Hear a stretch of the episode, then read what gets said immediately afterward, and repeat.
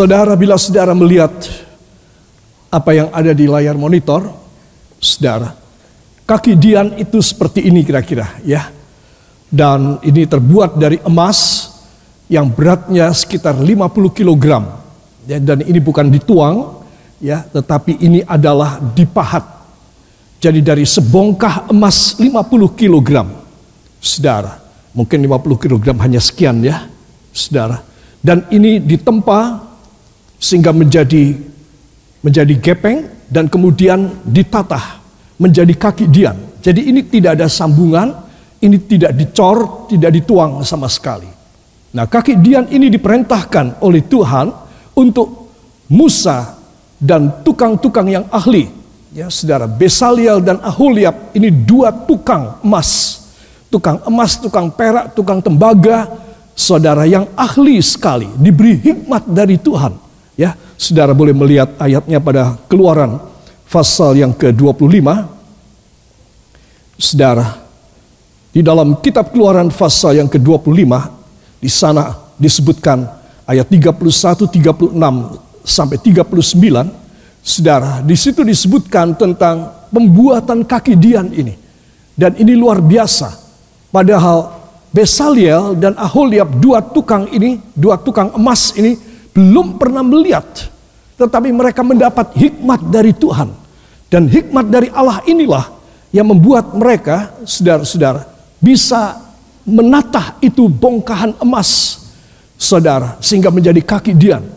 Dan di atasnya ada tujuh pelita berisi minyak zaitun dengan sumbunya dan harus dinyalakan sehari 24 jam di dalam rumah Tuhan. Ya saudara. Nah, saudara boleh mencatat dan membacanya nanti supaya lebih jelas. Ya, saudara, ini tema kita. Kaki Dian menentukan kemuliaan Anda. Saudara, jadi kita tahu bahwa kaki Dian inilah yang ada di dalam hidup kita. Saudara, dia menjadi representasi perwakilan dari Roh Kudus yang mengurapi seseorang. Itu sebab kita harus mohon kepadanya supaya kepada hidup kita Tuhan memberikan sesuatu kekuatan yang ajaib Katakan kekuatan yang ajaib. Hikmat yang luar biasa. Hidup yang terang. Seperti kaki Dian yang menyala.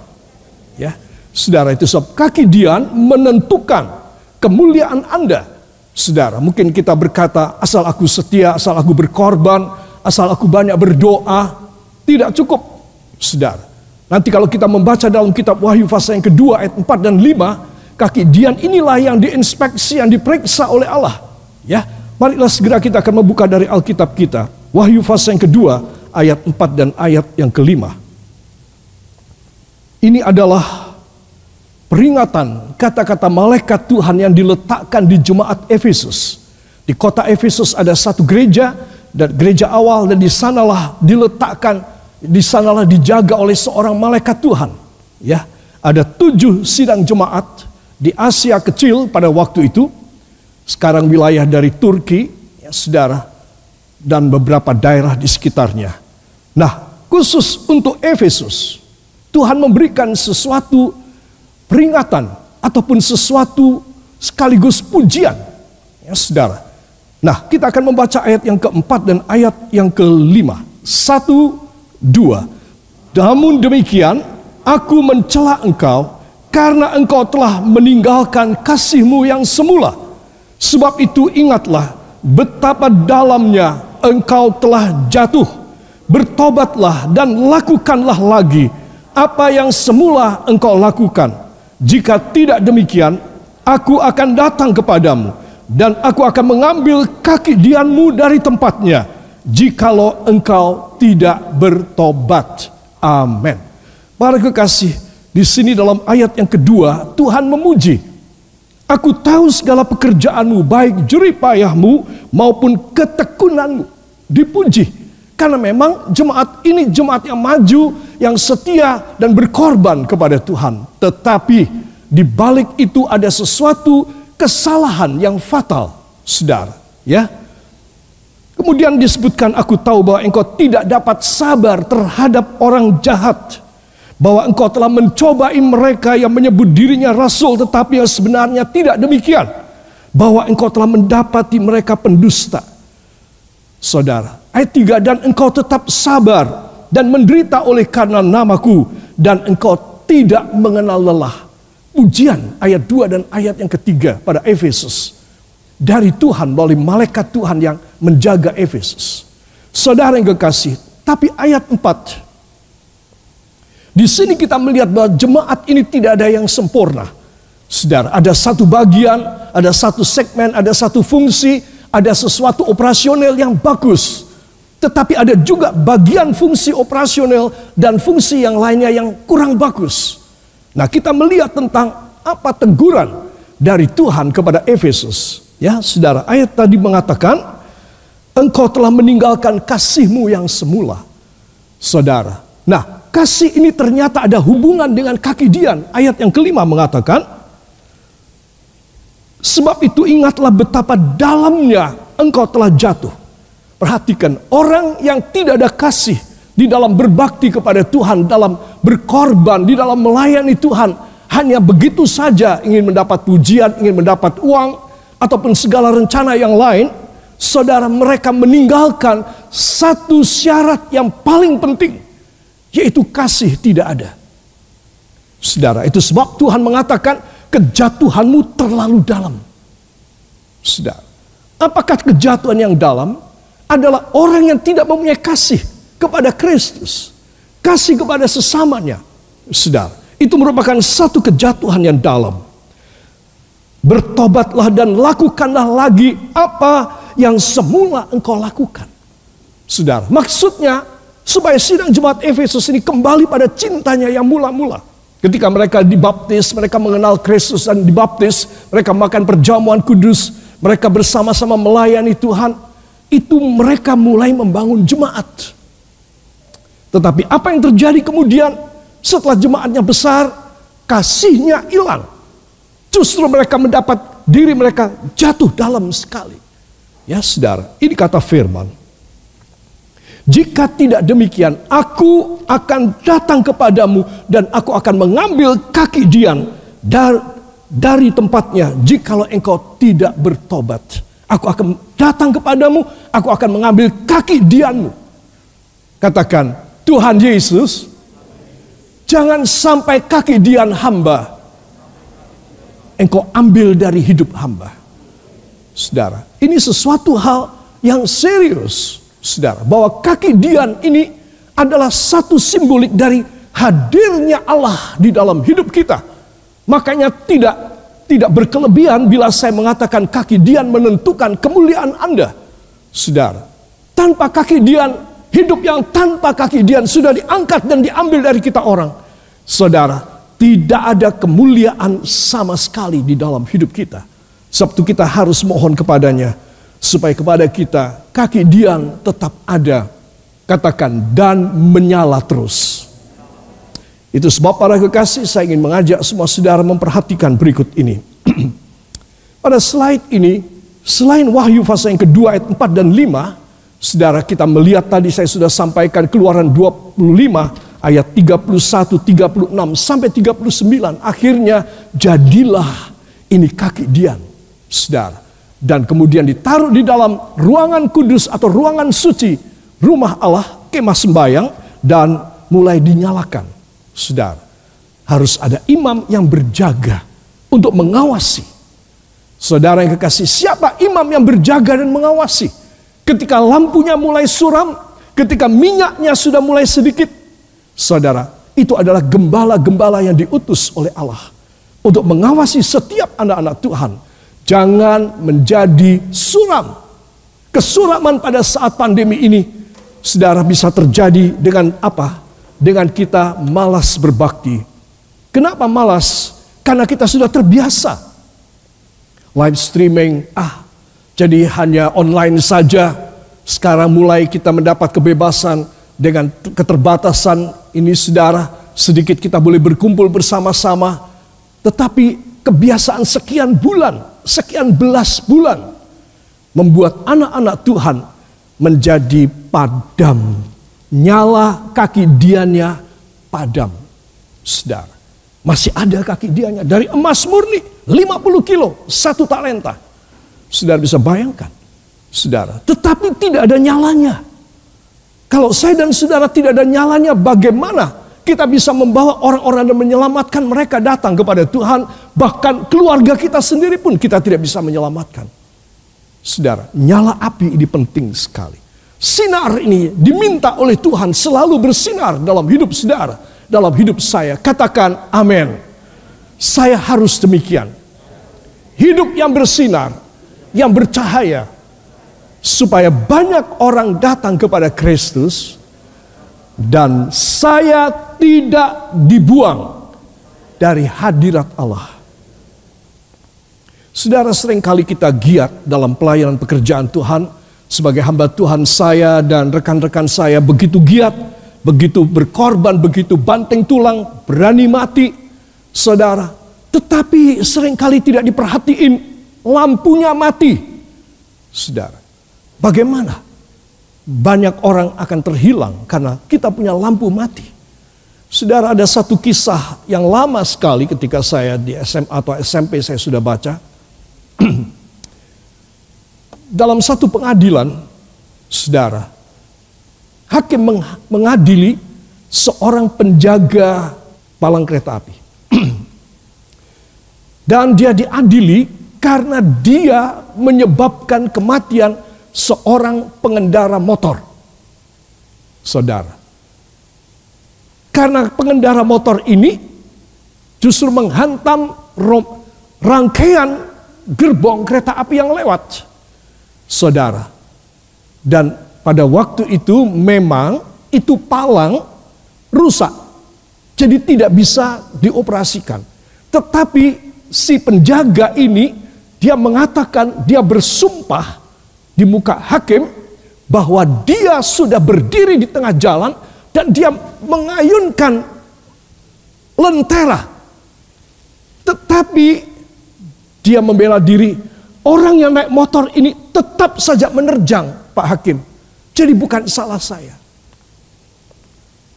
Setelah dipertimbangkan, hakim memutuskan dia bebas.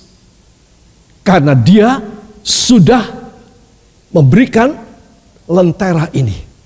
Saudara, ketika dia bebas dan dia pulang ke, rumah, dia berkata pada istrinya, untung hakim tidak menanyakan, apakah lenteraku nyala atau mati.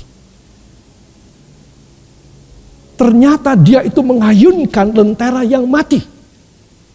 Sehingga tidak tahulah si pengendara ini dan langsung menerjang saja itu itu rangkaian kereta api.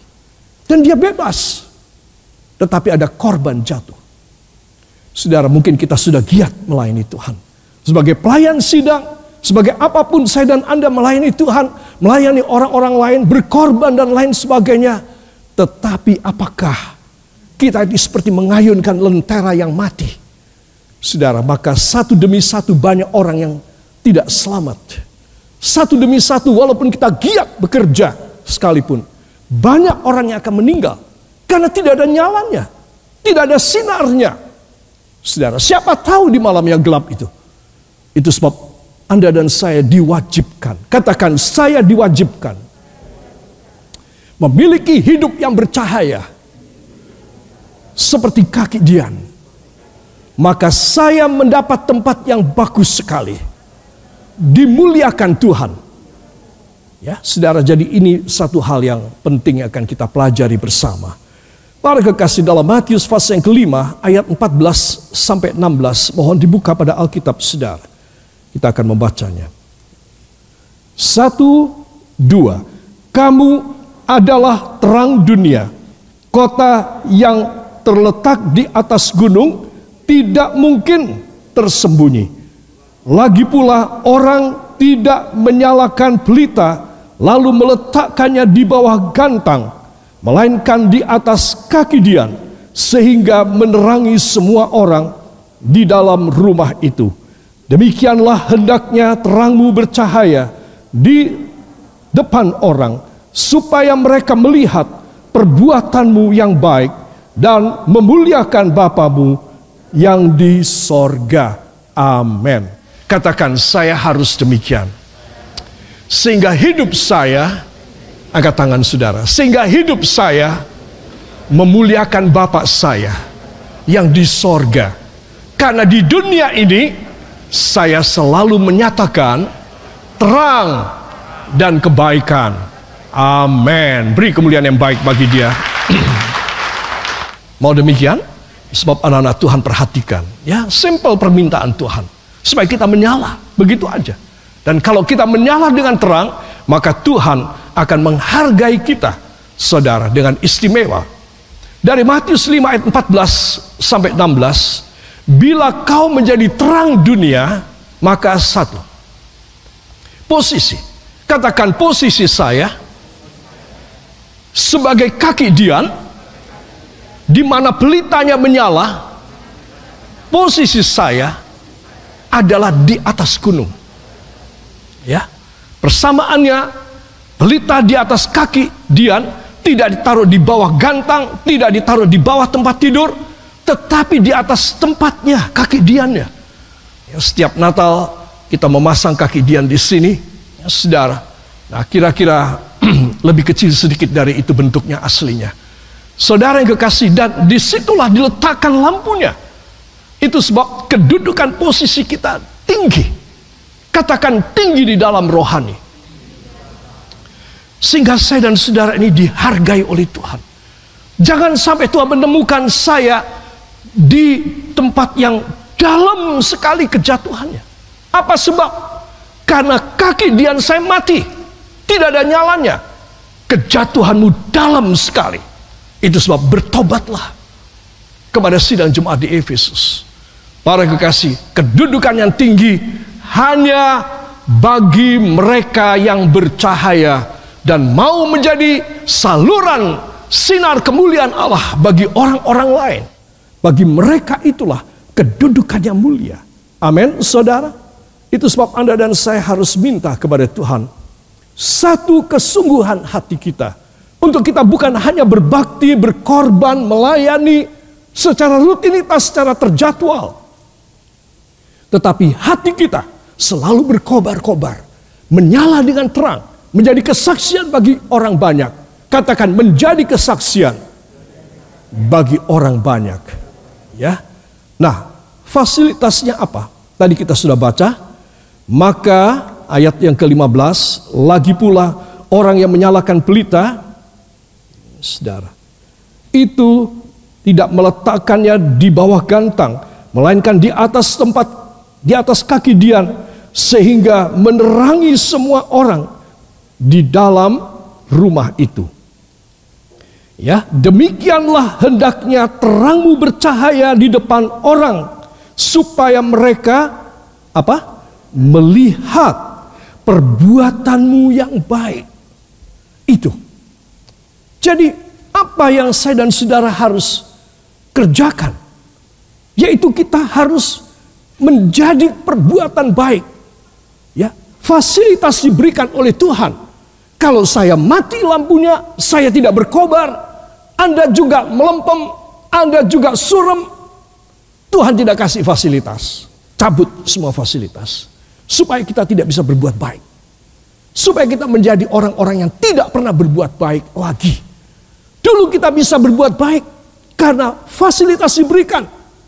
Karena kita menyala dengan terang. Saudara, sering kali kalau orang berkeluh kesah kepada saya, baik dalam jemaat maupun di luar jemaat yang saya tidak kenal, dan meminta didoakan, karena sering kali mereka itu jatuh bangun. Mereka mengalami tekor dan defisit dan rugi, dan mereka tidak bisa memenuhi segala kewajiban mereka. Sehingga mereka dalam satu keadaan yang sulit. Saudara, kalau saya bertanya, coba ceritakan bagaimana bisa terjadi. Dulu saya diberkati Tuhan luar biasa. Mereka mengatakan. Dulu saya dipakai oleh Tuhan. Dulu saya mudah berbuat segala perkara. Saya berkorban banyak. Tapi kenapa saya berkorban banyak, saya berbuat banyak, saya melayani banyak jiwa.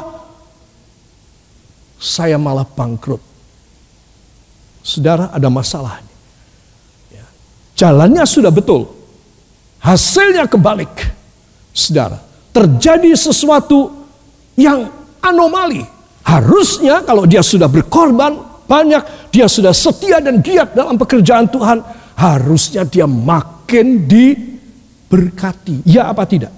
Iya. Tapi kenapa kok kebalik? Karena lampunya padam. Karena nyalanya padam. Saudara. Sehingga Tuhan mengambil kembali fasilitas dari dia. Selama Anda dan saya ingin terus menerima fasilitas untuk berbuat kebaikan, kita ingin mempermuliakan Bapa dengan perbuatan baik kita, maka kita harus menyala dengan terang. Kita harus berkobar-kobar dalam pengurapan Roh Kudus dalam hidup kita. Katakan, saya harus demikian. Kalau saudara demikian, Tuhan selalu kasih fasilitas supaya saudara dan saya bisa berbuat baik terus sampai mati. Katakan berbuat baik terus sampai mati. Ya, harus. Itu sebab terus sekarang tergantung sama kita orang. Apakah kita menyala terus, apakah kita padam pengurapan Allah. Terang daripada Kristus dalam hidup kita. Ya, saudara. Dan fasilitas diberikan, katakan, dan fasilitas tersebut diberikan kepada saya agar orang mempermuliakan Bapa di sorga. Bukan sebaliknya. Amin. Banyak kali kita melakukan, saudara, dengan fasilitas Tuhan, bukan mempermuliakan, bukan mereka ini bersaksi, baik sekali ya. Allahnya orang Kristen ini, ya juru selamatnya yang namanya Yesus Kristus, baik sekali. Aku mengalami perbuatan baik dari mereka-mereka yang pengikut Kristus. Jangan sampai kebalik. Aku tidak mau jadi orang Kristen. Aku mau keluar dari gereja. Gara-gara si atau si B atau si X. Yang tidak memberikan perbuatan baik. Malah perbuatan yang jahat. Lihat. Saudara. Itu sebab Anda dan saya harus mempunyai pikiran. Katakan bila posisi saya tinggi saya dipercayai fasilitas. Dengan maksud supaya saya memuliakan Bapa. Yang setuju beri kemuliaan yang baik bagi dia. Haleluya. Ada dua hal. Pasti semua itu ada dua hal. Positif dan negatif. Ya saudara. Bila roh berkobar, kaki Dian itu menyala. Kita dipakai oleh Tuhan. Tetapi ketika kita suram, bahkan padam, ya saudara, maka kita punya nasib sudah dituliskan. Nasibnya apa? Nasibnya hukuman Allah tiba. Saya membandingkan sebagai satu perbandingan, ya saudara, dari Roma 12 ayat 11 dan 12, dan Daniel pasal 5 ayat 5. Saudara, yang satu Roma 12 berkobar-kobar dipakai oleh Tuhan, diberi fasilitas, kedudukannya tinggi, dimuliakan. Tetapi yang satu Daniel 5 ayat 5 Raja Belshazzar walaupun dia kedudukannya tinggi banget raja tapi dia direndahkan. Saudara, apa sebab? Karena dia mempermainkan kaki dia. Dia mempermainkan kaki dia. Saudara, pertama kita akan melihat dalam Roma pasal yang ke-12 ayat 11 dan 12. Mari kita akan baca dengan suara yang nyaring. Satu, dua. Janganlah hendaknya kerajinanmu kendor. Biarlah rohmu menyala-nyala dan layanilah Tuhan. Bersukacitalah dalam pengharapan, sabarlah dalam kesesakan, dan bertekunlah dalam doa. Amin. Wow. Ya, dua ayat ini gandengannya bagus sekali. Ya. Janganlah hendaknya kerajinanmu kendor. Biarlah rohmu menyala-nyala dan layanilah Tuhan. Ini kaki dianya menyala. Pada seperti satu kota di atas gunung, kelihatan. Seperti satu pelita yang kecil di atas kaki dia. Saudara. Kemudian hasilnya bersukacitalah dalam pengharapan sabarlah dalam kesesakan, bertekunlah dalam doa. Itu artinya apa? Saudara ini seorang yang hebat, boleh dibilang sakti. Apa sebab? Karena disebutkan engkau selalu bersuka cita dalam pengharapan. Saudara, saudara tidak pernah padam api pengharapan. Api sukacita terus ada menyala dengan terang. Semua orang mengatakan engkau penuh dengan sukacita, engkau penuh dengan pengharapan. Kedua, sabarlah dalam kesesakan. Saudara, tidak ada satu orang di muka bumi yang tidak mengalami kesesakan dalam hidupnya. Selalu mengalami kesesakan. Itu sebab kalau saudara dan saya menyala, kita bisa menanggulangi kesesakan. Kita bisa bersabar dan kita bisa menghasilkan sesuatu sesuai dengan apa yang dijanjikan oleh Allah dalam hidup kita. Amin.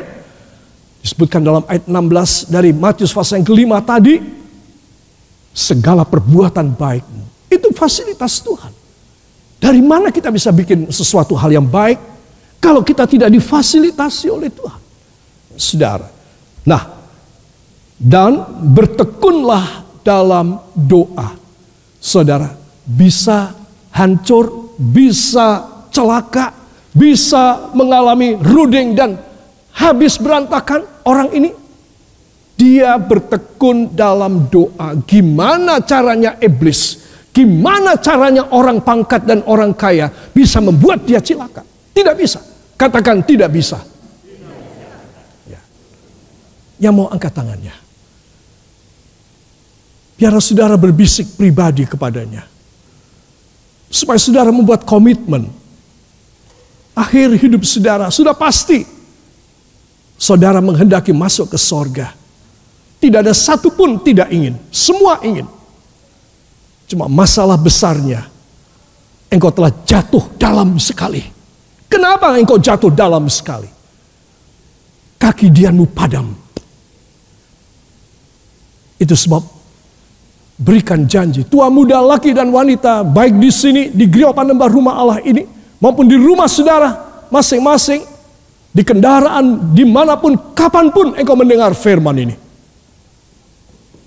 Bikin satu perjanjian komitmen yang baru dengan Tuhan Yesus. Haleluya. Kau menghargai bisik doa kami. Biar kuasamu dinyatakan dalam segala kelemahan kami. Ampunilah kami yang padam, yang suram, yang hanya tinggal asap dari sumbu, berbau tidak enak, tanpa sinar sama sekali, tidak bercahaya. Ubahlah kami. Siapa mau demikian bangkit berdiri?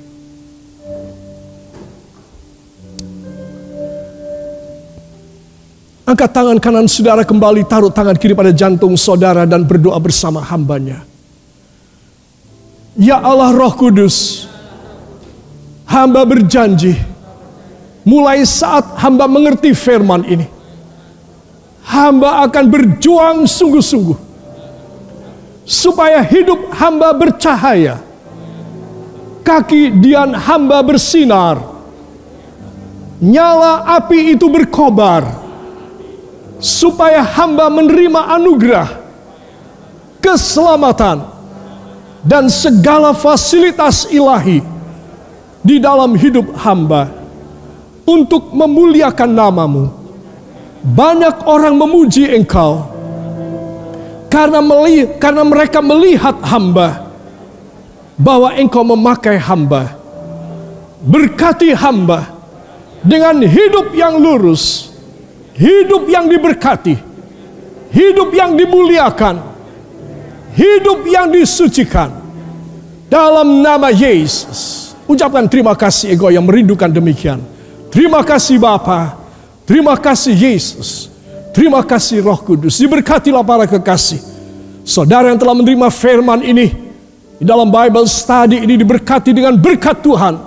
Diberkatilah engkau dengan berkat yang limpah dan heran.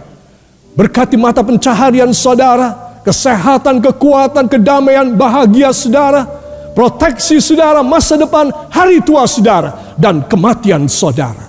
Hanya di dalam nama Tuhan Yesus Kristus, Juru Selamat dan Penebus kami. Dan kita semua yang percaya mengaminkan. Amin.